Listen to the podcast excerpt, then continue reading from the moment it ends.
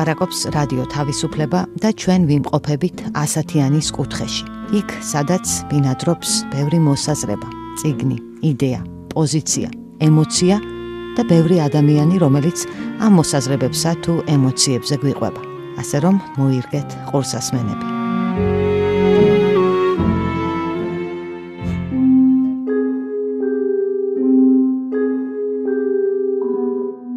სალამი, მე სალომე ასათიანი ვარ. თქვენ უსმენთ პოდკასტს ასათიანის კუთხე. მეც მოკლედ ვიტყვი, თქვენი ვაჟიშვილი არის შეშლილი.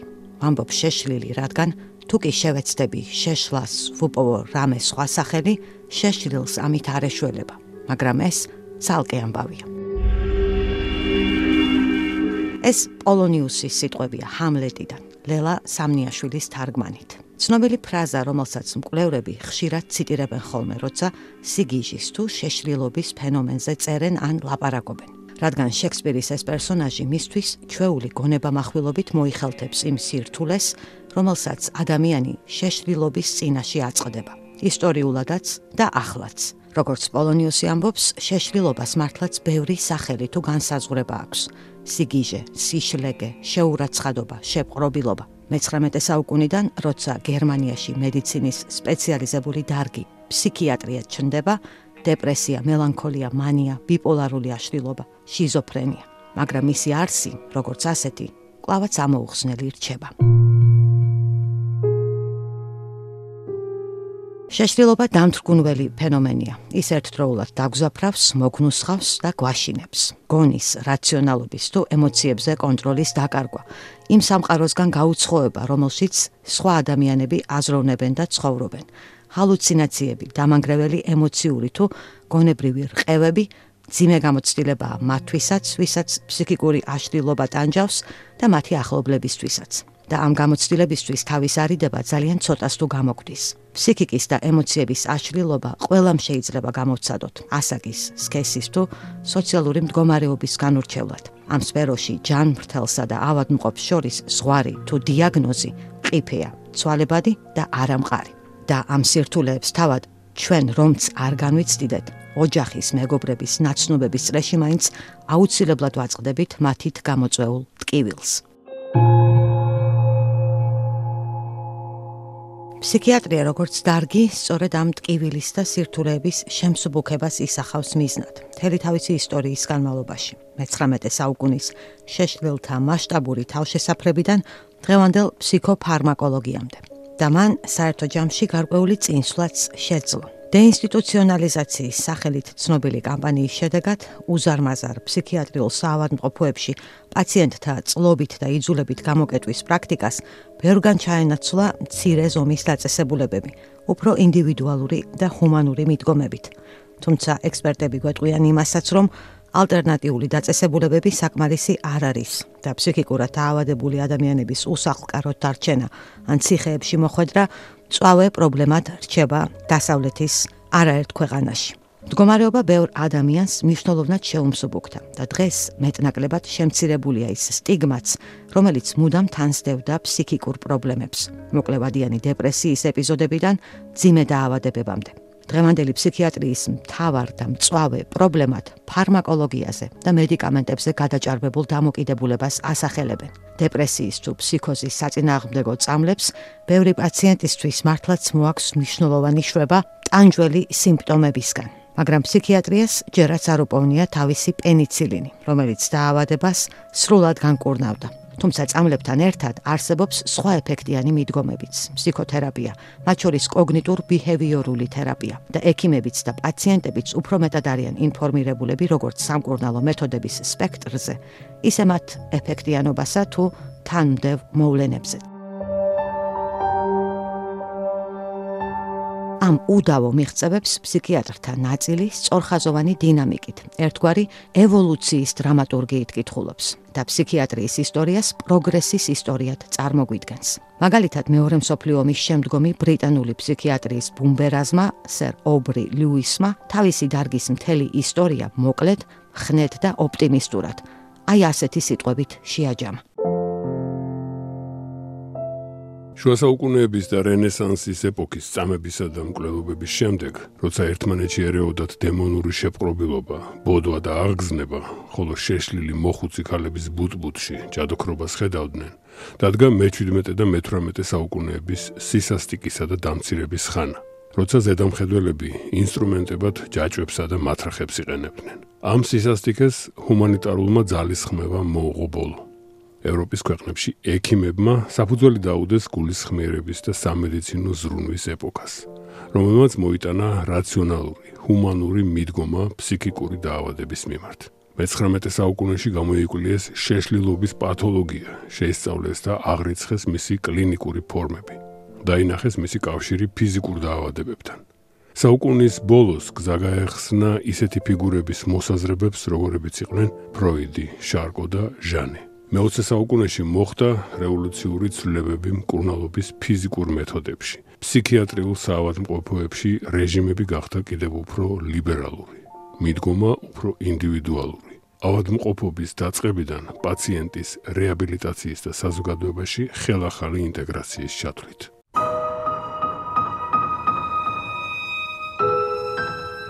მაგრამ ამ ხნე ოპტიმიზმს თუ პროგრესის ომახიან ამბავს ბევრი გამზიარებელი არ ხავს, მათ შორის არც თავად ფსიქიატრებს შორის, რადგან ამ ორსაუკუნოვანი დარგის ისტორია მოიცავს ბევრ მძიმე მეთოდს და დამზაფრელ ეპიზოდს, რომლებსაც ირონიულად ხშირად სწორედ მეცნიერული პროგრესის და ჰუმანიზმის სულისკვეთება წარმართავდა. ადამიანების ყინულიან წყალში ჩაძირვიდან ელექტროშოკით თერაპიის ადრეულ პერიოდამდე. ლობოტომიიდან, ანუ შუბლის წილსა და დანარჩენ ტვინს შორის კავშირების ყინულის სატეხის მსგავსი დანით გადაჭრიდან ინსულინის დიდი დოზის მიცემით გამოწვეულ კომამდე. ან ადამიანებისთვის კბილების, კუჭების, ელენთების ამოკვეთამდე ფსიქიკური დაავადებების გამომწვევი ბაქტერიების უშედეგო ძიებაში.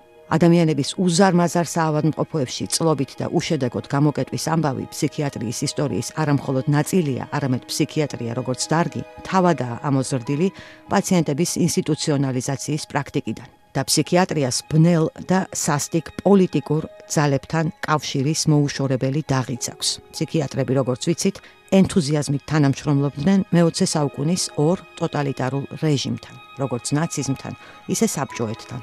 ადამიანების იძულებითი სტერილიზაციის, მასობრივი დახოცვის თუ დისიდენტების ფსიქიატრიულ საავადმყოფოებში გამოკეტვის ფორმით.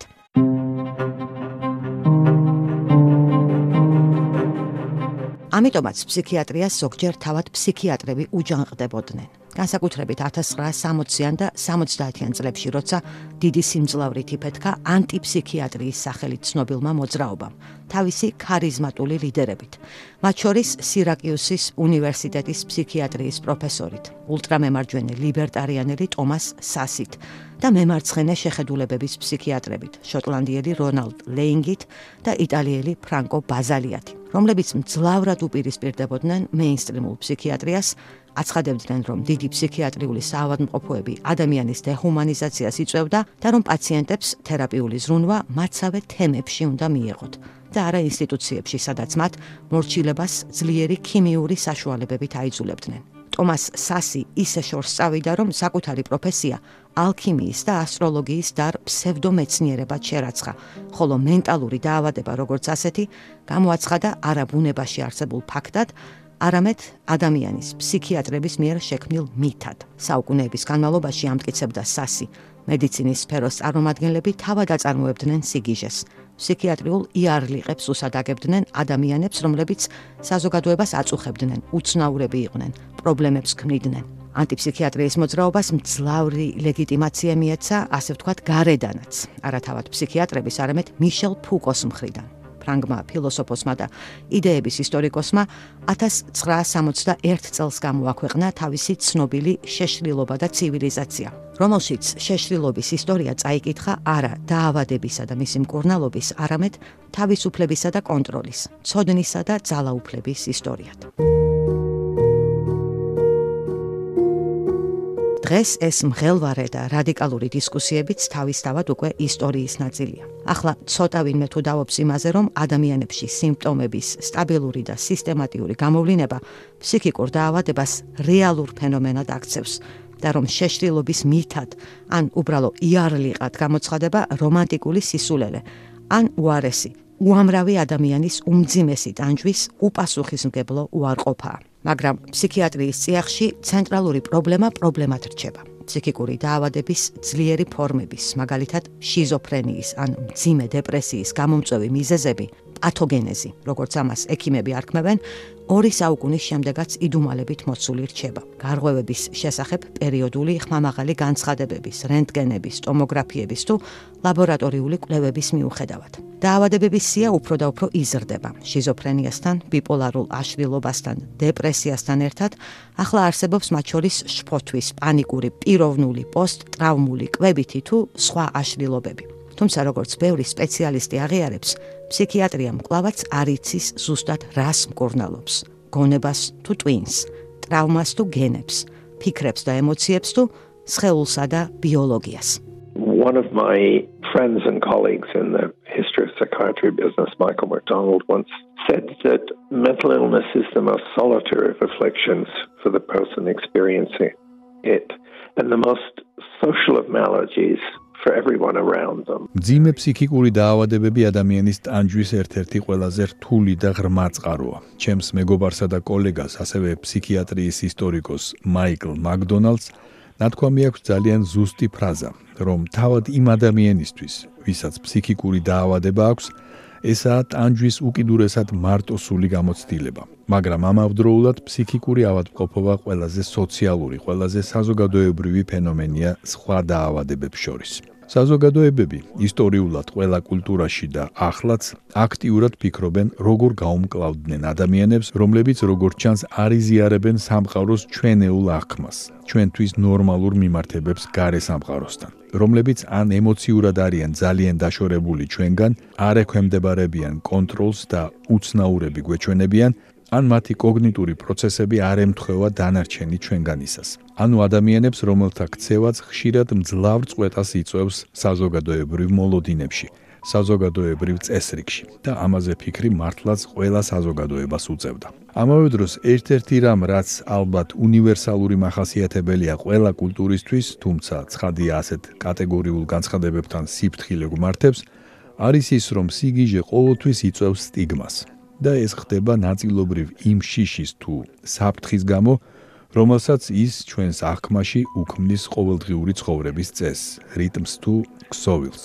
Madness always attracts stigma, um, partly because of this fear, this threat that it seems to pose to the texture of daily life. გვეუბნება ასათიანის კუთხის სტუმარი, ენდრიუ სკალი. კალიფორნიის სან-დიეგოს უნივერსიტეტის ბრიტანელი პროფესორი და სოციოლოგი.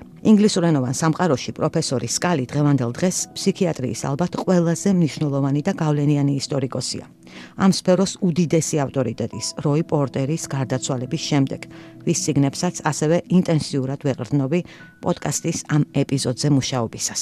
I think in the last 40 50 years psychiatry at least has moved back to a renewed emphasis on biology overall. What we see happening in the United States, at least, was neatly captured by Leon Eisenberg of Harvard, who said we had moved from a brainless psychiatry when he was young to a mindless psychiatry now he's getting old. ბოლო 40 თუ 50 წლის განმავლობაში ფსიქიატრია განახლებული აქცენტით დაუბრუნდა ბიოლოგიას. ის რაც ყოველ შემთხვევაში შეერთებულ შტატებში ხდება, מחვილგონივრულად მოიხელთა ჰარვარდის უნივერსიტეტში მომუშავე ფსიქიატრმა ლეონ აიზენბერგმა. როცა თქვა უტვინო ფსიქიატრიის სამხრივობიდან ახლა უგონო ფსიქიატრიაზე გადავედითო.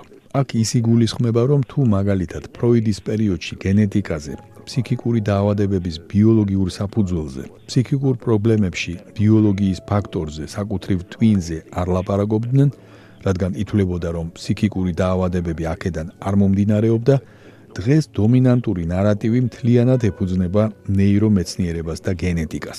ფსიქიატრია იმედოვნებს, რომ აქ იპოვის ყველა პასუხს. Twin-ში, ბიოლოგიაში, წამლებში და ეს უგონო ფსიქიატრია, რომელიც უგულებელყოფს სოციალურ ფაქტორებს, ფსიქოლოგიურ ფაქტორებს. ფსიქიკური დაავადებები ბიოლოგიის, ნეიროპათოლოგიის საკითხი ხდება. თითქოს ისინი მოშორებული იყოს იმ სოციალური სამყაროსგან, რომელშიც ყველანი ვბინადრობთ.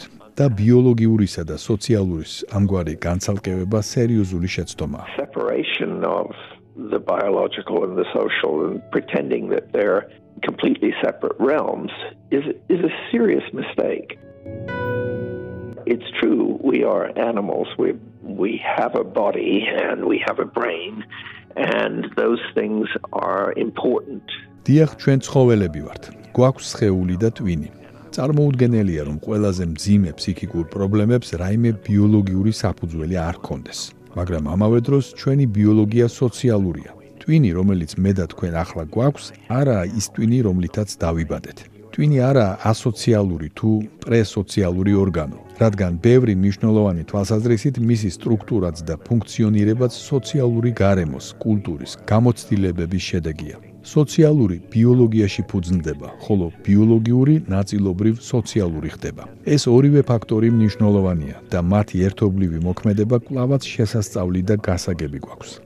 Both the brainless and the mindless approaches to this problem are mistaken that it is in fact both of those and a mix of those in ways we have yet to really fully comprehend. ფსიქიატრიის თუ შეშრილობის ისტორიაზე ჩვენი სტუმარი უკვე 4 წლეულია აქვეყნებს გამოკვლევებს. დაწერილი აქვს შეშრილთა თავშესაფრებზე და თანამედროვე ფსიქიატრიულ საავადმყოფოებზე, ისტერიის ისტორიაზე, ფსიქოანალიზის და ფსიქიატრიის კომპლექსურ გადაკვეთებზე. ენდრიუ სკალის ჯერჯერობით ბოლო და გახმაურებული პუბლიკაცია 2022 წელს გამოცემული წიგნი სათაურით. სასოწარკვეთილი სამკურნალო საშუალებები ფსიქიატრია და ფსიქიკური დაავადების იდუმალება შეერთებული შტატების ფსიქიატრიის პრობლემურ ისტორიას გვიყვება. და მასვე ეკუთვნის 2015 წელს გამოცემული მონუმენტური წიგნი სათაურით სიგიჟე ცივილიზაციაში შეშლილობის კულტურული ისტორია ბიბლიიდან ფროიდამდე საგიჟეთიდან თანამედროვე მედიცინამდე ერთ-ერთი ყველაზე მნიშვნელოვანი და ინფორმაციული წიგნი, რომელიც კი ოდესმე წამიკითხავს. ამ პუბლიკაციის გამოსვლის შემდეგ ჩვენი სტუმრის კოლეგებიც და აღტაცებული კრიტიკოსებიც ერთხმად წერდნენ, სხვა არც ერთ მონოგრაფიას არ მიუღწევია ასეთი მასშტაბისთვის და ბალანსისთვის ცივილიზაციის წარმოსახვაში სიგიჟის დამზაფრველი და ცვალებადი არსებობის აღწერისასო. Madness these days has become a term uh, that people shy away from because of its stigmatizing elements. ცნება სიგიჟე დღევანდელ დღეს გადაიქცა ტერმინად, რომელსაც ადამიანები უფრთხიან, რადგან ის სტიგმას იწვევს, მაგრამ კაცობრიობის ისტორიის დიდი ნაწილის განმავლობაში სწორედ სიგიჟე და მისი ვარიაციები შეშლილობა, შეურაცხადობა იყო ის ენა, რომელიც გამოიყენებოდა. და ამიტომაც, როცა ისტორიაზე ვლაპარაკობთ, უპრიანი ტერმინი სიგიჟია და არა ისეთი თანამედროვე ცნებები, როგორებიცაა შიზოფრენია, მანიაკალური დეპრესია, რომელსაც შემდეგ ბიპოლარული აშლილობა ეწოდა, თუ სხვა. მე ფსიქიატრიის ისტორიას ვიკვლევ და ის როგორც დარგი მე-19 საუკუნეში ჩნდება. თუმცა ცხადია არსებობდა მისი წინამორბედებიც. სამედიცინო სფეროში მომუშავე ადამიანები მანამდეც ცდილობდნენ ჩაწუტომოდნენ სიგიჟის არსს.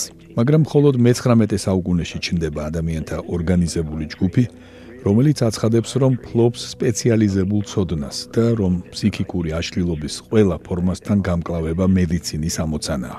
But it's really only in the 19th century we get an organized group of people claiming special expertise uh, and claiming that all forms of mental disturbance belong in a medical arena. გვეუბნება ენდრიუ სკალი და განაგზობს. When I titled my book, I wanted to talk about not madness as something outside of civilization or contrary to civilization, but as, as a central part of it. ჩემი ციგნის სათაურად ამიტომაც ავირჩიე სიგიჟე ცივილიზაციაში. სიგიჟე ცივილიზაციის უარყოფა არ არის. მიუხედავად განმანათლებლობის ეპოქის მოაზროვნეთა განცხადებისა, რომ ადამიანს ხეცისგან მხოლოდ გონი გამოარჩევს და შესაბამისად გონის დაკარგვა ნიშნავს ცივილიზებულის ველურად გადაქცევას. მაგრამ სიგიჟე არ არის ცივილიზაციასთან წინააღმდეგობაში მყოფი ან მის გარეთ არსებული ფენომენი. ის ცივილიზაციის ცენტრალური ნაწილია, რომელმაც დროთა განმავლობაში ბიძგი მისცა უამრავ რეაქციას ხელოვანების, დრამატურგების, მწერლების, კომპოზიტორების, მისტიკოსების, ექიმების, მეცნიერების მხრიდან. სიგიჟეს ხვდებით ვიზუალურ ხელოვნებაში, მუსიკაში, ოპერაში, ლიტერატურაში, სცენაზე, კინოში, რელიგიურ ინტერპრეტაციებში. და ის თითქმის ყველა ჩვენგანს ეხება. ან თავად ვაწყდებით გონის თუ ემოციის სირთულეებს, ან ჩვენს ახლობელ თუ ნაცნობ ადამიანს ვხედავთ ამ მდგომარეობაში. სიგიჟეს აქვს ძალიან დიდარი და თან ძალიან ცვალებადი მნიშვნელობები და მის მიმართ ადამიანთა დამოკიდებულებაც დიდწილად ამ მნიშვნელობებითაა ნასაზრდოები.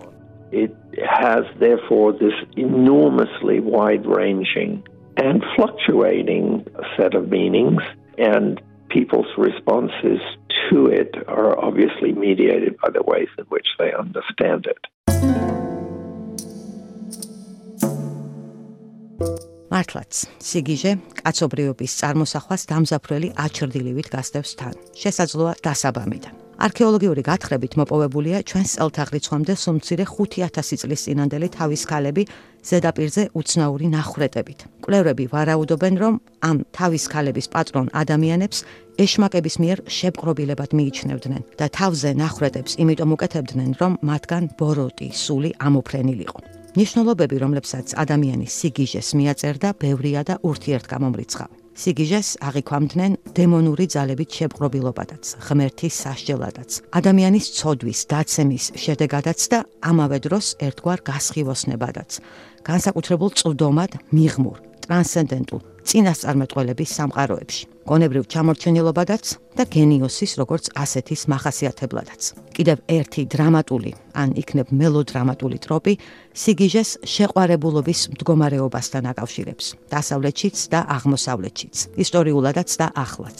ისლამური ლიტერატურის ერთ-ერთ უდიდეს რომანტიკულ გმირს, ლეილი და მაჯნუნის ახალგაზრდა პოეტ ქაის სწორედ ლეილის ობსესიური სიყვარულის გამო დაარქმევენ მაჯნუნს, ანუ მიჯნურს, რაც დემონით ჯინით შეპყრობილს ნიშნავს.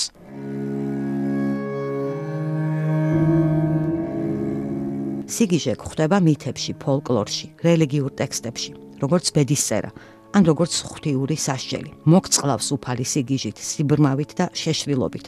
ვკითხულობთ მეორე რჯულის სიგნში. საული, ისრაელის პირველი მეფე და ბაბილონის მეფე ნაბუქოდონოსორი ღმერთს განარისხებენ და ამისათვის ორივე სასტიკ სასჯელს, შეშრილობას მიიღებს. ინდუისტურ ტრადიციებში ეპილეფსიურ კონვულსიებს საგანგებო დემონი იწვევს სახელად გრაჰი, ანუ ის, ვინც ადამიანს დაეპატრონება. ძველი ასირიული ტექსტი კი გვასწავლის, რომ შეპყრობილი ადამიანისგან დემონების განდევნა მხოლოდ მაშინაა შესაძლებელი, როცა შეპყრობილს ღვიძავს.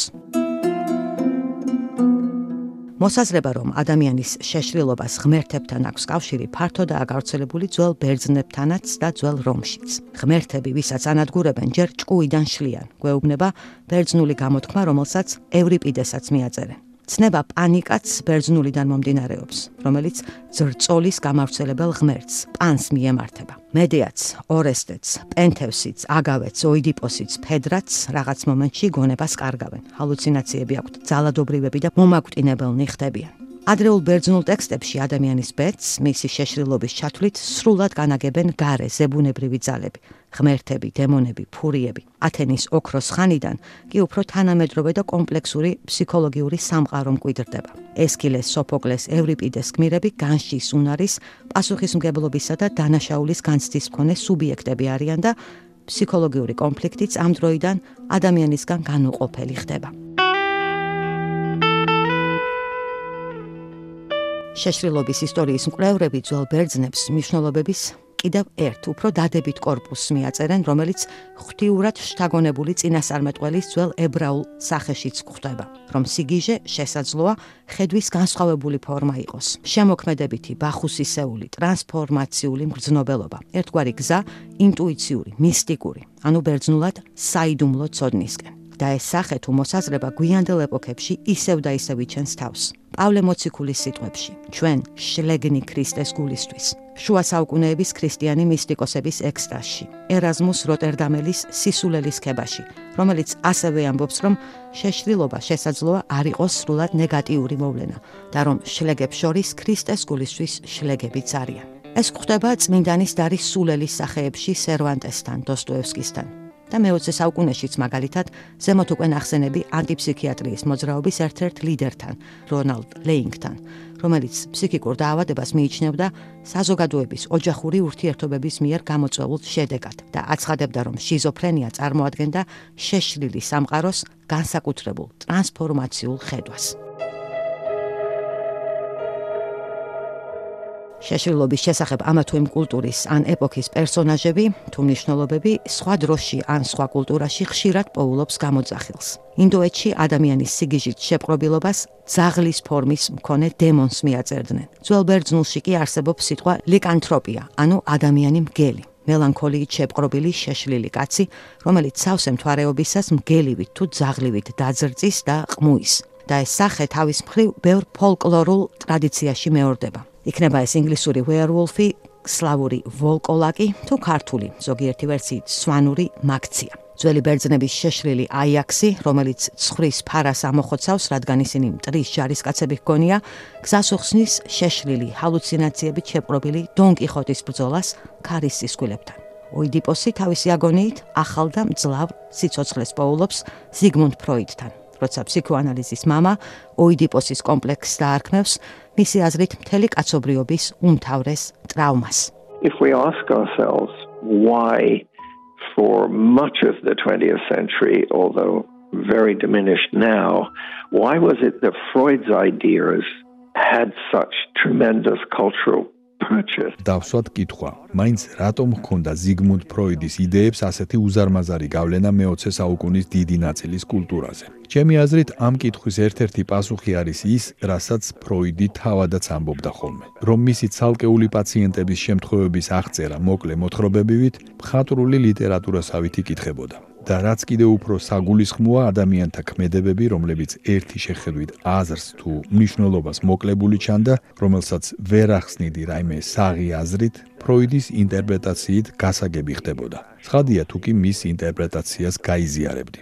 ანუ მან ირაციონალური გასაგები გახადა. და ვფიქრობ, მისი იდეები ამიტომაც გახდა ასე მიმზიდველი და მომნუსხველი. თანამედროვე ფსიქიატრიაზე ფროიდის სკოლას გავლენა ფაქტობრივად აღარ აქვს. მისი თეორიები არ მიემართება მძიმე ფსიქიკურ დაავადებებს, მაგრამ ფსიქოანალიზის შესახებ ისევ იწერება წიგნები, ადამიანები ისევ და ისევ ინუსხებიან პაციენტების ამბებით, რომლებიც ფროიდმა და მისმა მიმდევრებმა მოგვითხრეს. about psychoanalysis continue to appear people remain fascinated by the stories he and his followers spin ფროიდის ფსიქოანალიზის ფსიქიატრიაზე გავლენა აღარ აქვს, იმიტომ რომ ფსიქიატრიას ადრეული მე-19 საუკუნიდან დღემდე ავადმყოფობა უმეტესწილად სხეულის ბიოლოგიის პრობლემად ესმოდა. არაცნობიერ გონებაში განდევნილი ტრავმების ფროიდისეული თეორიით კი ფსიქიკური პრობლემები არ მომდინარეობს ბიოლოგიური თუ სხეულებრივი დარღვევებიდან და შეშლილობა პოტენციურად ყველა ჩვენგანში არსებობს.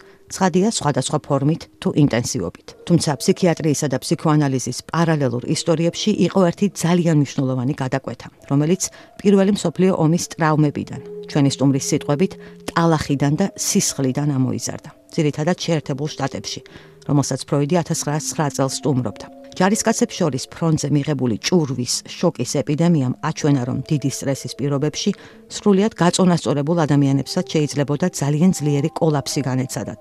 რამაც ძირი გამოუთხარა ნარატივს, რომ ფსიქიკური აშლილობების სახით საქმე გქონდა ადამიანის ბიოლოგიურ დეფექტთან. პირველი და შემდეგ უკვე მეორე მსოფლიო ომების ვეტერანებს ფსიქიატრები, მათ შორის ფსიქოანალიზის მიდგომებითაც მკურნალობდნენ. თუმცა ფსიქიატრიაში ბიოლოგიურ ბანაკსა და ფსიქოანალიტიკურ ბანაკს შორის განხეთქილება მაინც ღრმავდებოდა და მალე გამარჯვება ისევ ბიოლოგიამ მოიპოვა ფსიქოლოგიის ხარჯზე. პოპულარულ წარმოსახვაში ეს ამბავი პირიქით განვითარდა. ჰოლივუდში უკვე 1920-იან წლებში ოცნებობდნენ ფროიდის სამუშაოდ მიწვევაზე. ცნობილი პროდიუსერი სემიუელ გოლდვინი ვენაშიც ჩავიდა საიმისოდ, რომ ფროიდისთვის პირადად შეეთავაზებინა დიდი ჰონორარი სასიყვარულო ისტორიაზე სცენარის დაწერის სანაცვლოდ. ეს ვიზიტი წარმატებული არ იყო. ფროიდი გოლდვინს არ შეხვდა და როგორც ამბობენ პროდიუსერმა ავსტრია ყურის ანთებით დატოვა. მაგრამ ჰოლივუდი 10 წლეულების განმავლობაში დარჩა შთაგონებული ფსიქოანალიზის იდეებით. You mentioned earlier Hollywood. You could see it in many of the films that Hollywood produces after the war, Spellbound, which ჰოლივუდი ახსენეთ და ამერიკაში ფსიქოანალიზის პოპულარობა იმ ფილმებითაც აშკარაა, რომლებსაც ჰოლივუდი ომის შემდეგ აწარმოებს. ამის მაგალითია ალფრედ ჰიჩკოკის ცნობილი ფილმი 1945 წელს გამოსული მოჯადოებული, რომელშიც ინგრიდ ბერგმანის პერსონაჟი ფროიდიანელი ფსიქოანალიტიკოსია. გრეგორი პეკი ამნეზიით შეპყრობილი ვეტერანი. ფილმის დასაწყისში აუდიტორიას ტიტრებით ამცნობენ, რომ იდუმალება, რომელსაც ისინი ნახავენ, აჩვენებს ფსიქოანალიზის ძალას, თანამედროვე მეცნიერებისა, რომელმაც შეძლო გონების დახურული კარი გაიხსნა. ამ ფილმის სიზმრისეული სცენების ავტორია სალვადორ დალი. ეს სცენები სავსეა ფსიქოანალიტიკური სიმბოლოებით. მათ შორის მაგრატლებით, თვალებით, ფარდებით, სათამაშო კარტით, ფრთებით, ბუმბულებით. ფილმში სიმართლე ირკვევა მაშინ, როცა პეკის პერსონაჟი აღიდგენს ბავშვობის განდევნილ ტრავმას. შეგვიძლია გავიხსენოთ კიდევ სხვა ფილმი, გველების ორმო, რომელიც 1958 წელს ყველაზე შემოსავლიანი სურათი იყო შეერთებულ შტატებში და აღწერდა ფსიქიატრების მხრიდან პაციენტების უგულებელყოფას.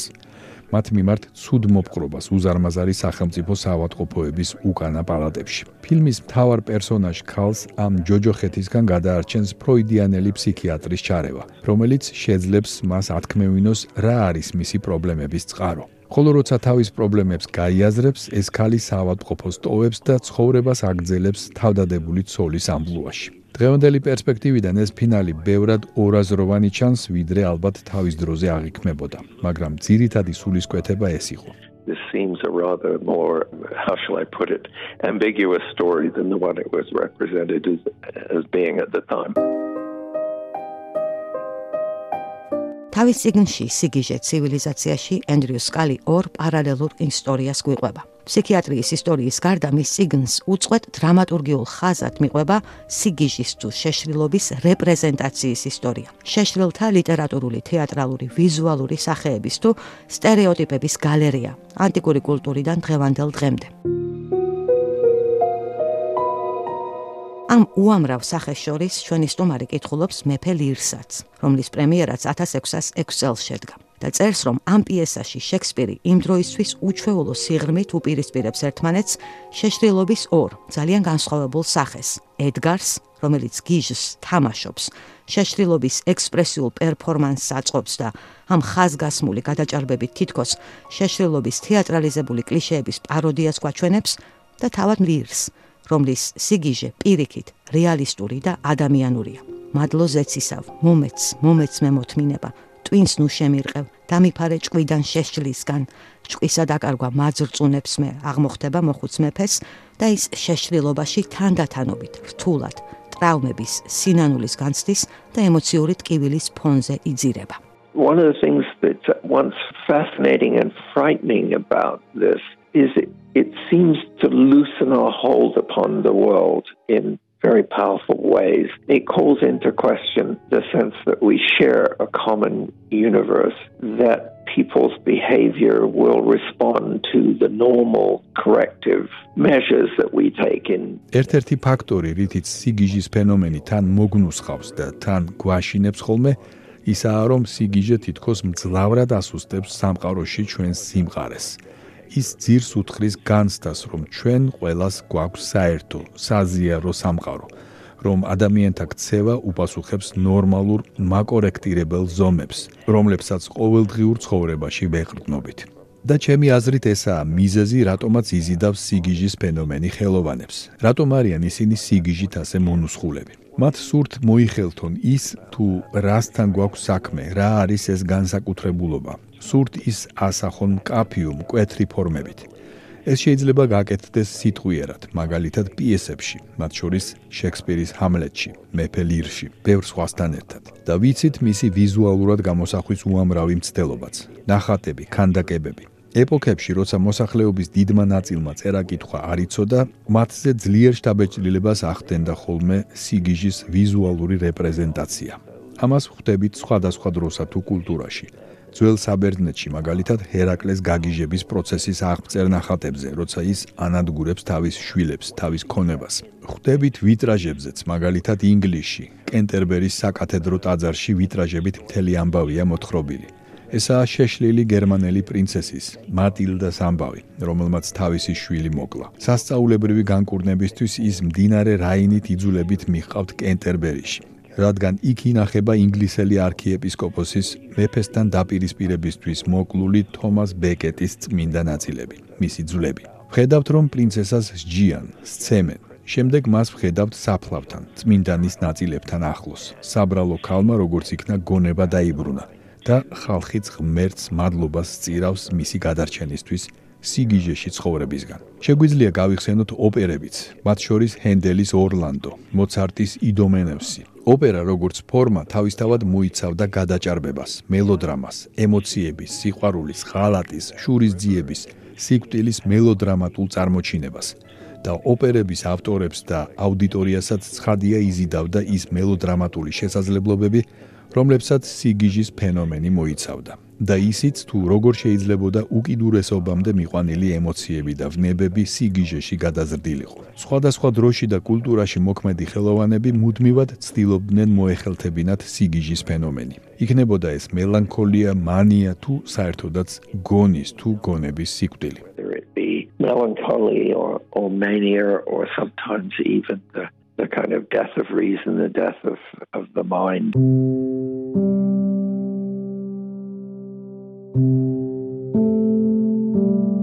მელანქოლიის ცნება შეშლილობის ისტორიისთვის საგულისხმოა, რადგან ის მოიცავს მთავარ, ასე ვთქვათ, პარადიგმატულ განსხვავებას სიგიჟის მიმართ ორ ძირითად მიდგომას შორის. ეს ტერმინი მომდინარეობს ბერძნული სიტყვებიდან მელაინა, ანუ შავი და ხოლე, ანუ ნაღველი და მიემართება იმ უფრო ნატურალისტურ ბუნებაზე და სხეულზე დაფუძნებულ სამედიცინო ინტერპრეტაციებს, რომლებიც ძველ ბერძნებთან ასევე იკიდებს ფეხს სიგიჟის ზებუნებრივ მოვლენად გამოცხადების პარალელურად. კოსმოსის და ადამიანის მდგომარეობის ნატურალისტური აღქმის დამკვიდრება ბერძნულენოვანი ქალაქის სახელმწიფოების ფილოსოფოსებმაც განაპირობეს. სოკრატემ, პლატონმა და სხვებმა, რომლებიც მსჯელობდნენ ადამიანზე, რაციონალობაზე, საზოგადოებაზე, ეთიკურ და პოლიტიკურ იდეალებზე. ყველაფრის საზომად ადამიანის გადაქცევით ამ მოაზროვნეებმა ირაციონალობა და შეშრილობა ზეციდან მიწაზე ჩამოიტანეს და ის ადამიანისა და საზოგადოების მოვლენად თუ პრობლემად გადააქციესო. გვეტყვიან იდეების ისტორიკოსები, მაგრამ საკუთრივ ფსიქიატრიის ისტორიისთვის ბერძენ ფილოსოფოსებზე უფრო მნიშვნელოვანი ალბათ ძველი ბერძნების სამედიცინო ტრადიციები იყო. ჰიპოკრატეს სკოლა, რომელიც ჯანმრთელობას და ავადმყოფობას ერთიანი ჰოლისტური სისტემით განიხილავდა და ეს სკოლა უკვე მაშინ სიგიჟის ფენომენს ხსნიდა არა ზებუნებრივი, არამედ სხეულებრივი მიზეზებით და მექანიზმებით. Yes, very much so. So, you know, one strand of explanation that you can trace back to some Greco Roman origins is the idea that it forms a continuum with other kinds of illness. And so within the what we often think of as the Hippocratic or the Hellenic tradition. დიახასია, სიგიჟის ფენომენის ახსნის ერთ-ერთი მნიშვნელოვანი ტრადიცია, რომელსაც ძველი საბერძნეთისა და რომის გარკვეულ ტექსტებთან მივყავართ, არის მოსაზრება, რომ სიგიჟე კავშირშია სხვა სახის დაავადებებთან. ეს მოიცავს საკრალური დაავადების სახელით ცნობილი ეპილეფსიის, ასევე მანიის, მელანქოლიის და სხვა გონებრივი პრობლემების ნატურალისტურ ახსნას. და ამ ტრადიციებში, რომლებსაც მედიცინაში ხშირად ჰიპოკრატესეულ ტრადიციებს უწოდებთ, გვხვდება ჰუმორალური მიდგომა, რომ ადამიანები შევდგებით 4 ძირითადი ელემენტისგან, 4 სითხისგან, სისხლისგან, ფლეგმისგან, ყვითელი ნაღვლისგან და შავი ნაღვლისგან. ადამიანის ჯანმრთელობას არამხოლოდ ფიზიკურ, არამედ გონებრივ მდგომარეობასაც ეს 4 სითხე განსაზღვრავს და მათ შორის წონასწორობაც ბევრი ფაქტორი შეიძლება დაიღოს. რომის იმპერიის დაცემის შემდეგ ამ მიდგომის შემცველი ტექსტები დასავლეთში დიდწილად იკარგება. რაღაც პერიოდით ისინი არაბულ სამყაროში ინაცვლებს.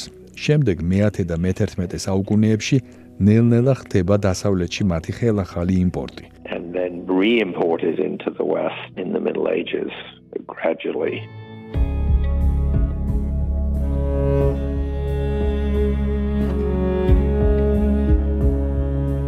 ჰუმორალური, ანუ ორგანიზმის სითხეებთან დაკავშირებული მედიცინა, ცხადია ცოტა შეცვლილი ფორმით, დიდხანს ფაქტობრივად ადრეულ მე-19 საუკუნემდე რჩება ავადმყოფობის სტანდარტულ ნატურალისტურ ახსნად. ეს მიდგომა ჩანაცვლდა მიკრობული თეორიებით და ასევე ტვინის და ნერვული სისტემის ანატომიის კვლევებით, რომელთა ერთ-ერთი პიონერი და ტერმინ ნევროლოგიის დამამკვიდრებელი იყო ინგლისელი კაცი სახელად ტომას უილისი. ფსიქიკური დაავადებების კვლევაში ამ დროიდან მნიშვნელოვანი ხდება ნერვები. თავად უილისი კი ერწმუნება, რომ შეშრილებს კაცრი ხელი და დისციპლინირება სჭირდებათ.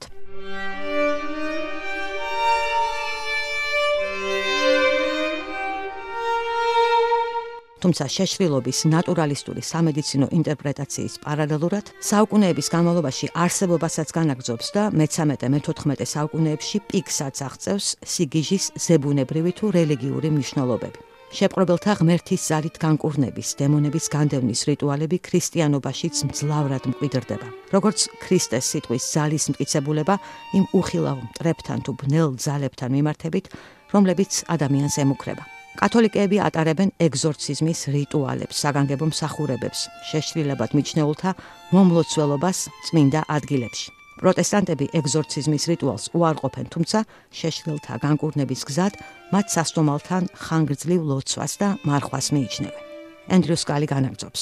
And then there is a period where religious and medical accounts of badness uneasily coexist alongside one another. სიგიჟის რელიგიური და სამედიცინო ინტერპრეტაციები რთულ თანაცხოვრებაშია, ერთმანეთის პარალელურად არსებობს. ორივე მხარე აღიარებს, რომ სიგიჟის ზოგიერთ შემთხვევას ბუნებრივი მიზეზები აქვს. სხვებს კი ზებუნებრივი. შემდეგ თანდათან რელიგიური ინტერპრეტაციები ფერფრთალდება. თუმცა არ ვიტყოდი, რომ ისინი ბოლომდე ქრება. ელიტურ კულტურებში თუ სოციუმებში სტანდარტული ხდება მოსაზრება, რომ სიგიჟე არის ავადმყოფობის ფორმა. The notion that madness is a form of illness comes to be the standard one.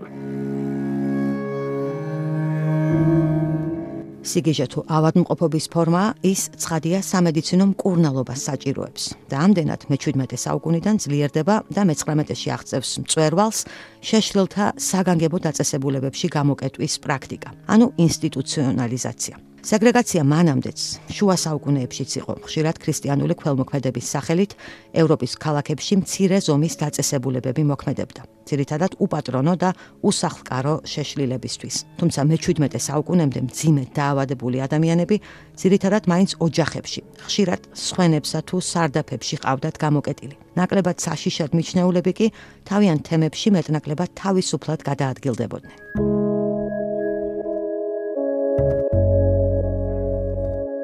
მიშელ ფუკოს ცნობილი აღწერით ევროპაში აბსოლუტური მონარქიის აღზევებას დიდი გამოკეტვის ეპოქა მოხვა. მაწანწალები, უსახლკაროები, მათხოვრები არასასურველ არსებებად მიიჩნეოდნენ და უკვე 1660 წელს 6000-მდე ასეთი არასასურველი ადამიანი იყო გამოკეტილი მხოლოდ პარიზის შეშლილთა საავადმყოფოში, რაც ევროპის სხვა ქალაქებშიც განმეორდა. ეს დიდი გამოკეტვა ამბობდა ფუკო არა თერაპიული, არამედ პოლიციური ოპერაცია იყო.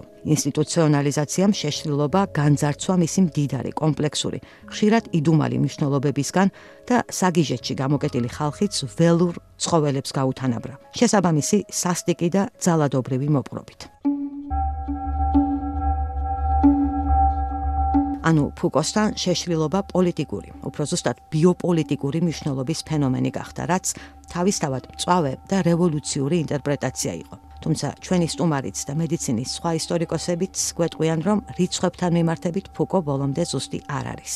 საფრანგეთის გამოკლებით მე-17 საუკუნეს ევროპაში მასობრივი ინსტიტუციონალიზაცია არ მოუტანია და ფუკოსეული დიდი გამოკეტვა უფრო გვიანდელი პერიოდების მოვლენა იყო, რომელიც თანდათანობით განვითარდა მათ შორის საზოგადოებების უფრო და უფრო მეტად გადასვლით საბაზრო ლოგიკაზე. მე-18 საუკუნეში გაჩნდა კერძო, დიდწილად ექსპერიმენტული ინსტიტუციები, რომლებსაც მეტნაკლებად შეძლებული ხალხი ფულს უხდიდა საიმიცოდ, რომ თავიანთი ფსიქიკურად ავადმყოფი ახლობლების მოვლის პასუხისგებლობა მათ ეკისრათ.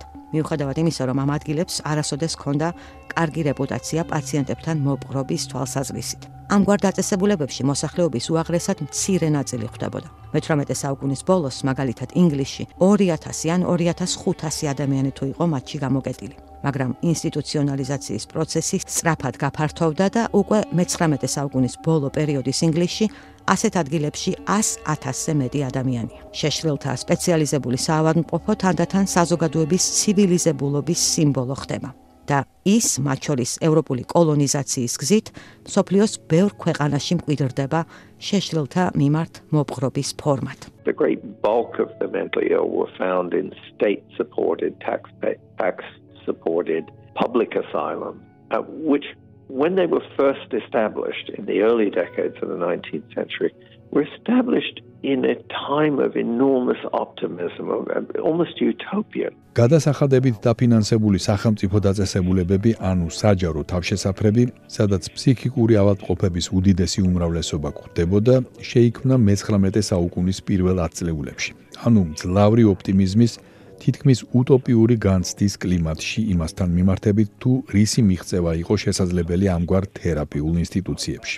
ეს დაწესებულებები თავიდან ჩაფიქრებული იყო როგორც მცირე ზომის ადგილები, რომლებიც ზრუნვით მოეკიდებოდა პაციენტების ინდივიდუალურ მდგომარეობას, განსხვავებებს, რომლებიც მათ რაღაც ფორმით დაუბრუნებდა თვითკონტროლს. და იყო რწმენა, რომ ამ თავშესაფრების პაციენტთა 60, 70, 80 ან საერთოდაც 90% განიკურნებოდა. მაგრამ ამ რწმენას ახდენა არ ეწერა. ამ ადრეული ინსტიტუციების ნაწილმა ნამდვილად შეეძლო მნიშვნელოვანი შედეგების მიღწევა, განსაკუთრებით იმ შემთხვევებში, როცა მათ კარგი ხელმძღვანელობა ჰყავდა. პაციენტების რაოდენობა ცოტა იყო და მათ ინდივიდუალური ყურადღება ეთმობოდა. ზოგიერთი პაციენტის მდგომარეობა გაუმჯობესდა და მათ მართლაც შეძლეს ნორმალური ცხოვრების გაგრძელება. მაგრამ ამგვარი პაციენტების რაოდენობა მცირე იყო და პაციენტთა დიდი რაოდენობა უბრალოდ გამოკეტილი რჩებოდა ამ თავშესაფრებში. არა 6 ან 12 თვით, არამედ წლობით. შესაბამისად, თავშესაფრების ზომაც წლიდან წლამდე იზრდებოდა. 50, 100 პაციენტიდან 1000, 5000 ან 10000 პაციენტამდე და უფრო მეტადაც. პაციენტები იკარგებოდნენ, თერაპიული გარემო იშლებოდა და ფსიქიკური დაავადების განკურნების შესახებ დიდი ოპტიმიზმის ხანაც დიდი პესიმიზმის პერიოდმა ჩაანაცვლა. From a period of optimism about the ability to cure mental illness, we move to a period of great pessimism. გვეუბნება ენდრუ სკალი და განაგზობს. Psychiatrists of course had to account for the fact that they'd promised to provide all these cures and now they weren't. and the explanation that emerged. ცხადია ფსიქიატრებს მოუწიათ პასუხისმგებლობა ეკისრათ იმაზე, რომ თავიანთი დაპირება ვერ შეასრულეს, რომ მათმა მეთოდებმა ვერ იმუშავა და გაჩნდა ახსნაც, რომელიც შემდეგ ფსიქიატრიის სფეროსაც გასცდა და მიემართა ტრანსგრესიის, დანაშაულის, სოციალური პათოლოგიის ბევრ ფორმას. თავისი უუნარობა განეკურნათ პაციენტები ფსიქიატრებმა ახსნეს იმით, რომ ფსიქიკურად დაავადებულ ადამიანებში ევოლუციის პროცესი პირიქით განვითარდა, რომ ისინი დანარჩენი ჩვენგანისგან ბიოლოგიურად განსხვავდებოდნენ. მათ ჰქონდათ დეფექტური ბიოლოგია, ჩამორჩენილები იყვნენ. ანუ სიგიჟე შეშლილობა დააფუძნეს დეფექტურ ტვინებს და სხეულებს. და შემდეგ აქედან ამოიზარდა მოსაზრება, რომ ასეთი ადამიანები გამოკეტილი უნდა ყოფილიყვნენ საიმისოდ, რომ გამრავლება და მეტი მათნაირი ადამიანის გაჩენა არ შეძლებოდათ. ეს იყო ნამდვილი მორალური პანიკა, რომ შეშლილობა ვრცელდებოდა, რასაც დიდწილად ასაზრდოებდა მონაცემები სულ უფრო მეტად გაზრდილ თავშესაფრებზე, მათში გამოკეტილი პაციენტების რაოდენობის მატებაზე. There was a real sort of moral panic about the spread of insanity which could refer back to the statistics of the ever larger asylums and the more and more people who were confined in them.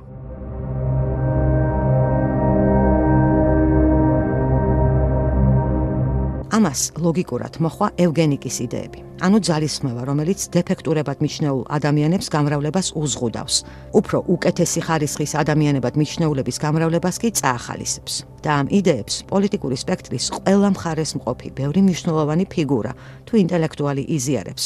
მათ შორის ბერნარდ შოუ, ჯონ კეინსი, ირვინგ ფიშერი, უინსტონ ჩერჩილი, ვუდრო ვილსონი. ამერიკის ბევრ შტატში მიიღეს კანონები, რომლებიც ცდილობდა მენტალურად არაჯანსაღად მიჩნეული ადამიანებისთვის ქორწინების აკრძალვას. ზოგ შემთხვევაში კი უშვებდა მათ იძულებით სტერილიზაციას.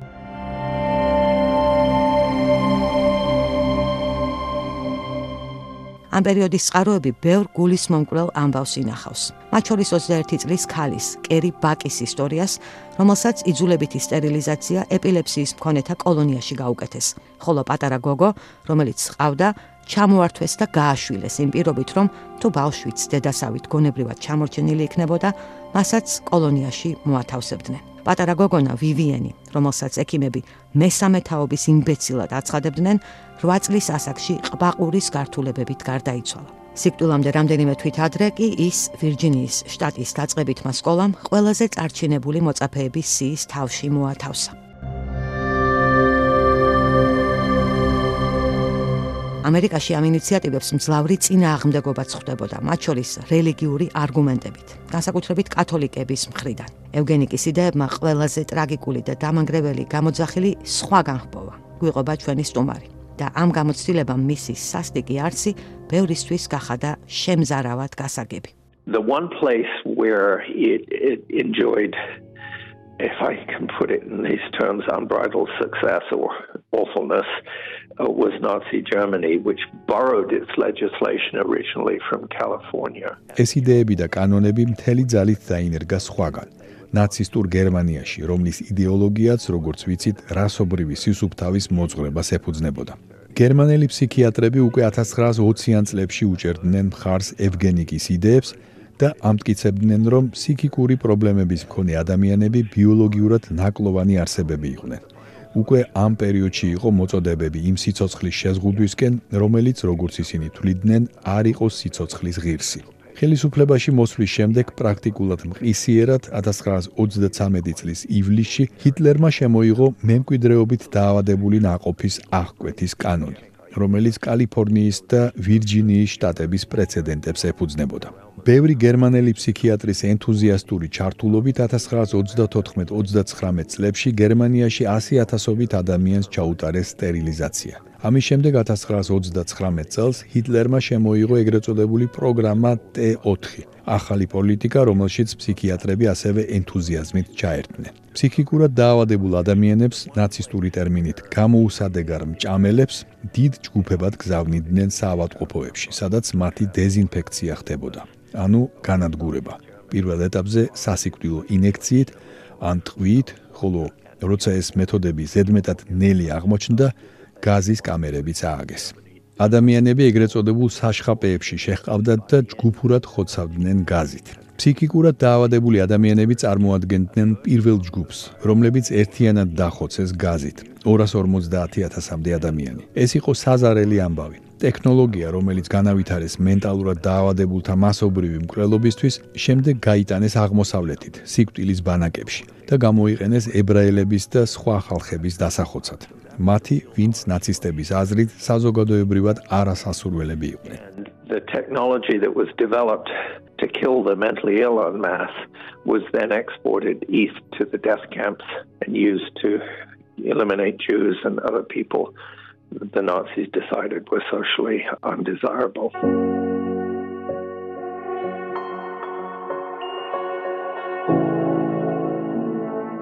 ფსიქიატრია თავისი არსით კურნალი პროფესიაა და გააზრებამ რომ დარგმა ევგენიკის შემზარავი იდეები გამოიხმო ფსიქიატრები ძლავრად დაზაფრა. გვიყვება ენდრიუ სკალი. გაჩნდა სხვა მიდგომა. თუ ფსიქიკური დაავადება ბიოლოგიიდან მომდინარეობდა, იქნებ სწორედ ბიოლოგია იყო საფუძველი მისი განკურნებისთვის.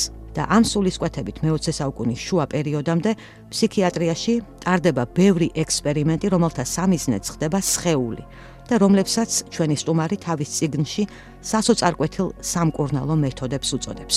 მათ შორის ალბათ ყველაზე მძიმე მეთოდი იყო 1935 წელს პორტუგალიაში შემოღებული და შემდეგ შეერთებულ შტატებში 10000ობით პაციენტისთვის გაკეთებული ფსიქოქირურგიული ოპერაცია ლობოტომია. შემაერთებელი ბოჭკოების გადაჭრა შუბლის წილთან, ყინულის სატეხის მსგავსი ინსტრუმენტით, რომლითაც ტვინში თვალბუდიდან შედიოდნენ. მისი შემოღებიდან 15 წელიც არ იყო გასული, რომ ლობოტომია ნობელის პრემიით აღინიშნა. თუმცა ახლა ამ ოპერაციას ძალიან ცუდი სახელი და რეპუტაცია აქვს.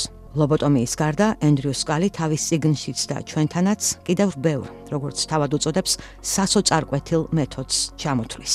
Giving patients malaria to cure one particular subtype of mental illness which we now know was caused by syphilis. მაგალითად პაციენტებისთვის განზრახ მალარიის შეღრა. ითვლებოდა, რომ ორგანიზმის ტემპერატურის მკვეთრ ზრდას შესაძლოა თერაპიული ეფექტი ჰქონოდა ფსიქოზის გარკვეული ფორმებისთვის.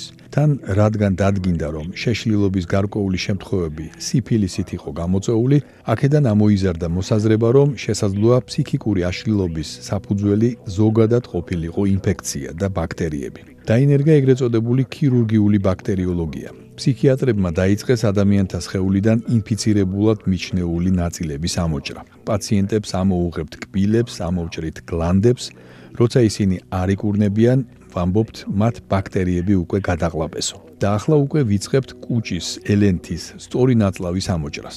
რაც ცხადია პაციენტებში მაღალ სიკვდილიანობას იწვევს. ან გადავწყვეტთ, რომ ადამიანების რეალობისგან ჩამოშორებამ იზოლაციამ შეიძლება მათი ტვინები დაასვენოს. ან ქირურგიულად ამოვიღებთ მათი ტვინის ნაწილებს, რომლებიც როგორც ვთვლით, მათ სიგიჟეს იწვევს. არსებობდა დიდი დოზით ინსულინის მიცემის მეთოდიც, რაც ადამიანში კომას იწვევდა. გაჩნდა მცდარი თეორია, რომ ადამიანი ერთდროულად ვერ იქნებოდა ავად შიზოფრენიით და ეპილეფსიით. და აქედან დასკვნა, რომ თუ ადამიანში ხელოვნურად გამოიწვევთ ეპილეფსიურ კონვულსიას, ამას შესაძლოა ის შიზოფრენიისგან განეკურნა. ასე დაიწყო შოკური თერაპიის დანერგვა, რომელიც პირველ ეტაპზე ხორციელდებოდა ქიმიური ნივთიერებებით, მეტროზოლით, რომელსაც ადამიანს ნემსით უკეთებდნენ. წარმოიდგინეთ, რომ პაციენტი ხართ, გაცვიათ გამაკავებელი პერანგი, კარი იღება, ოთახში შემოდიან თეთრხალათიანი კაცები დიდი შპრიცით და ხელში რაღაცას გიკეთებენ. ამ ბრჭყალებში შესანიშნავი ტექნიკის გამომგონებელიც კი თავად ამბობდა ადამიანი ამ დროს გზნობს რომ სადაცაა მოკვდებაო რაღაც დროის შემდეგ მეტროზოლის ზემოქმედებით ადამიანს ემართებოდა უძლიერესი კრუნჩხვა რომელიც ზოგჯერ ხერხემლის ან თეძოს ძვლის დაზიანებას იწვევდა მაგრამ ითვლებოდა რომ კონვულსია შიზოფრენიას განდევნიდა. ფსიქიატრებს სურდათ კონვულსია უფრო ჰუმანური და უფრო სწრაფი მეთოდით მიიღოთ ვიდრე მეტროზოლის მიცემა იყო. და აქ სურათში შემოდის ელექტროკონვულსიური თერაპია, ელექტროშოკი, რომლის დროსაც პაციენტის თავზე საგანგებო მოწყობილობით მის ტვინში ელექტრულ დენს უშვებენ, რაც კონვულსიას იწვევს.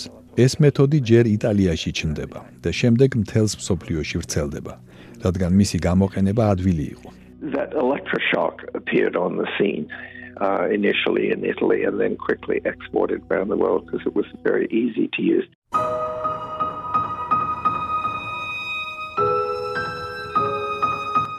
ეს ექსპერიმენტები ადამიანების შველის, გადარჩენის, განკურნების ჰუმანური მოსაზრებებით ხდებოდა. თუმცა რეალურად ისინი პაციენტების სირთულეებს და ტკივილს კიდევ უფრო ამძიმებდა და მაღალ სიკვდილიანობასაც იწვევდა. ექიმებს ექსპერიმენტების პრაქტიკულად კონტროლის გარეშე ჩატარება შეეძლოთ იმიტომ, რომ მათი პაციენტები განსაკუთრებულად და ტრაგიკულად დაუცველები იყვნენ. ამ ადამიანებს მიიჩნევდნენ უუნაროდ რაციონალური გადაწყვეტილებები მიიღოთ თავიანთი სიცოცხლის შესახებ, რაც ხშირად ასეც იყო. მათი მდგომარეობა დაღდასმული იყო სტიგმით. ფსიქიატრიულ საავადმყოფოებში იძულებით გამოკეტილ ადამიანებს არც სამოქალაქო უფლებები ჰქონდათ და არც წინააღმდეგობის ეფექტიანი გაწევა შეეძლოთ. ხოლო პროტესტს მაინც გამოხატავდნენ, ეს წინააღმდეგობა ადვილად ცხადდებოდა მათივე პათოლოგიის შედეგად. მით უფრო რომ ადრეული ფსიქიატრიის არაეთიკური და სასტიკი მეთოდების ხშირი სამიზნე ისედაც სუსტ სოციალურ პოზიციებზე მყოფი ჯგუფები და ადამიანები ხდებოდნენ. ღარიბები, ეთნიკური უმცირესობები, ჰომოსექსუალები და რა თქმა უნდა ქალები. რომლებსაც ჯერ კიდევ ჰიპოკრატეს სკოლა მიიჩნევდა განსაკუთრებულად პრობლემურ არსებებად. ცნება ისტერიაც, როგორც ვიცით, მომდინარეობს ბერძნული სიტყვა ჰისტერადან, რაც საშვილოსნოს ნიშნავს.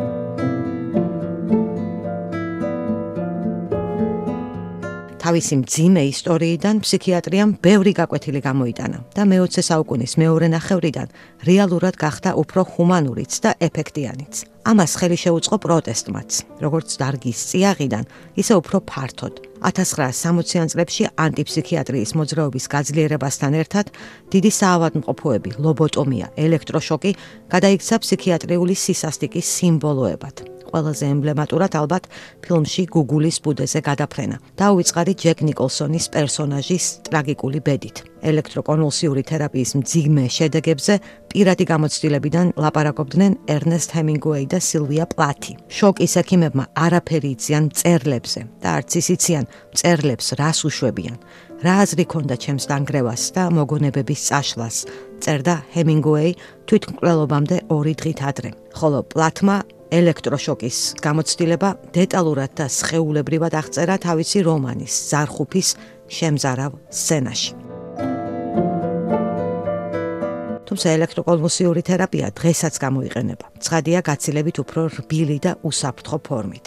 ოღონდ ახლა გამოიყენება არა შიზოფრენიის, არამედ ძიმე დეპრესიის სამკურნალოდ. გეუბნება ენდრიუ სკალი. Among all the desperate remedies I'm talking about here, it's the only one that still survives a bit into the present, somewhat controversially. ყველა იმ სასოწარკვეთილ საშუალებას შორის, რომლებზეც ჩემს წიგნში ვლაპარაკობ, ელექტროკონვულსიური თერაპია ერთადერთია, რომელიც დღესაც გამოიყენება და დღემდე კამათის საგნად რჩება. თუმცა დღეს ის გამოიყენება არა შიზოფრენიის, არამედ ღრმა სუიციდურ დეპრესიასთან მიმართებით, რომელიც სხვა ფორმით მკურნალობას არ ექვემდებარება. არიან პაციენტები, რომლებიც აცხადებდნენ, რომ ელექტროკონვულსიურმა თერაპიამ მათ ცხოვრება დაუნგრია. უწინარესად იმ შედეგების გამო, რომლებიც მას ადამიანის მახსოვრობისთვის მოაქვს. თუმცა, სხვები ამბობენ, რომ სწორედ ამ მეთოდმა გადაარჩინა ისინი სუიციდს და ღრმა დეპრესიას. ელექტროკონვულსიური თერაპიის საკითხი ძალიან კომპლექსურია. ჩვენ კლავაც ბოლომდე არ გვესმის ის რატომ მუშაობს, თუ კი მართლა მუშაობს. It's a complicated one. We still don't understand why it works if indeed it works.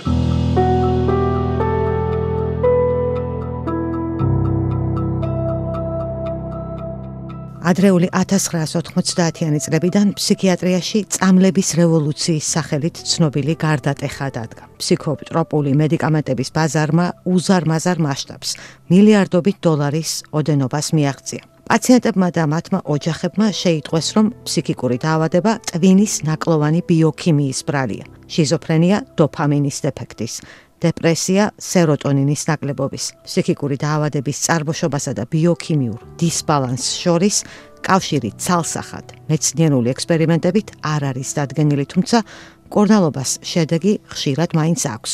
ფსიქოზის, დეპრესიის საწინააღმდეგო თუ დამამშვიდებელ წამლებს პაციენტთა ნაწილისთვის რეალურად მოაქვს შვება. თუმცა სიმპტომების განშვება ცხადია განკურნება არ არის. გვეუბნება ენდრიუ სკალი და ფსიქიატრიაში წამლების რევოლუციის და კიდევ უფრო მეტად მსხვილი ფარმაცევტული კომპანიების კომერციული ინტერესების ხშირად პრობლემურ შედეგებს ასე გვიხსნის.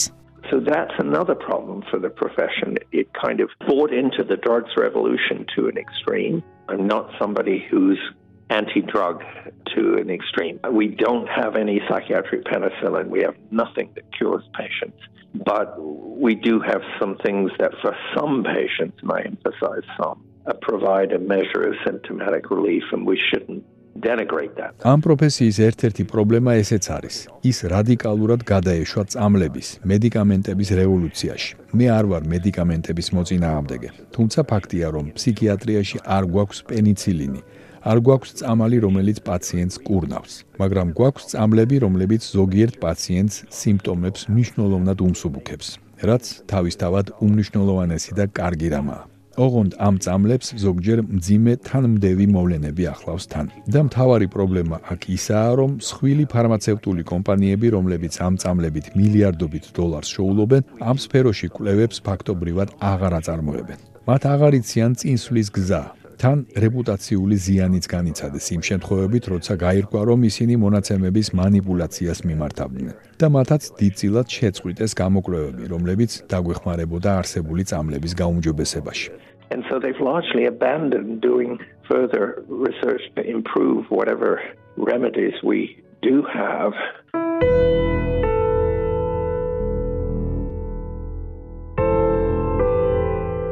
როგორც ათასწლეულების განმავლობაში შეშლილობა ისევ ჯიუტად არ ემორჩილება რაციონალურ გონებას. მისი ბოლომდე ამოხსნა კლავაც მიუღწეველ მიზნად რჩება. თუმცა ადამიანთა ტკივილი და ტანჯვა არსად მიდის და ფსიქიატრებიც ძიებებს განაგზობენ. მაგალითად, დღეს სვამენ კითხვებს, რამდენადაა შიზოფრენია ან დეპრესია განცალკევებული ჰომოგენური დაავადებები, თუ ისინი როგორც დიაგნოზი რეალურად ბევრ განსხვავებულ გამოცდილებას მიემართება.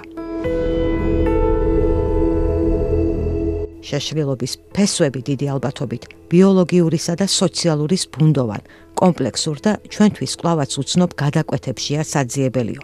ისევ და ისევ მეორებს ჩვენი სტუმარი ენდრიუ სკალი. ანუ სადღაც იქ, სადაც ერთმანეთთან იკვეთება ადამიანის სხეული და ემოცია, ბიოლოგია და ფიქრი, ნეიროქიმია და ფსიქოლოგიური ტრავმა. ანუ უფრო მოკლედ, ჩვენი ტვინი და ჩვენი გონება. Again, it's not something I can obviously readily summarize in a couple of minutes, but I do think there's recognition in some parts of the psychiatric profession that there's a crisis impending. ფსიქიატრიის მომავალი კომპლექსური საკითხია და მასზე ცხადია რამდენიმე წუთში ვერ ვილაპარაკებთ. მაგრამ ვფიქრობ, ამ პროფესიის წიაღში გარკვეულ წრეებში უკვე გვხვდება იმის აღიარება, რომ კრიზისი დგება. ნაწილობრივ იმიტომაც, რომ როგორც ჩანს, სათანადოდ არ მუშაობს დაავადებათა ის კატეგორიები, რომლებიც გვაქვს. როცა ფსიქიატრების აუდიტორიის წინაშე გამოვდივარ, განსაკუთრებით ახალგაზრდების, რომლებიც ახლა გადიან წვნას ამ პროფესიაში, აშკარაა, რომ ბევრი მათგანი გძნობს რაოდენ მნიშვნელოვანია ბიოლოგიურ ფაქტორებთან ერთად, მედიკამენტებთან ერთად, გათვალისწინებული იყოს სოციალური და ფსიქოლოგიური ფაქტორებიც. მათ ესმით, რაოდენ შეზღუდულია ის საშუალებები, რომლებიც ამჟამად მოგვეპოვება. და ვფიქრობ, თავმდაბლობის ეს განცდა, ჩვენი ცოდნის შეზღუდულობის აღიარება არის პირველი ნაბიჯი რეალური წინსვლისთვის. როცა შენს უნარებში და სისტორეში დარწმუნებული ხარ და თვლი რომ შენი მიდგომაა ერთადერთი სწორი მიდგომა, ეს ძალიან სახიფათოა ხოლმე. და სწორედ ამგვარ დარწმუნებულობას ვაწყდებით მე-20 საუკუნის დასაწყისის ფსიქიატრიაში. ადამიანებს შეიპყრობდა განცდა რომ მათ იცოდნენ რა უნდა გაკეთებულიყო. რეალურად კი ეს ასე არ იყო. Yours is the only way. That's a dangerous thing. You see over and over in the early 20th century how people got captured by the sense that they knew something which it turned out they really didn't.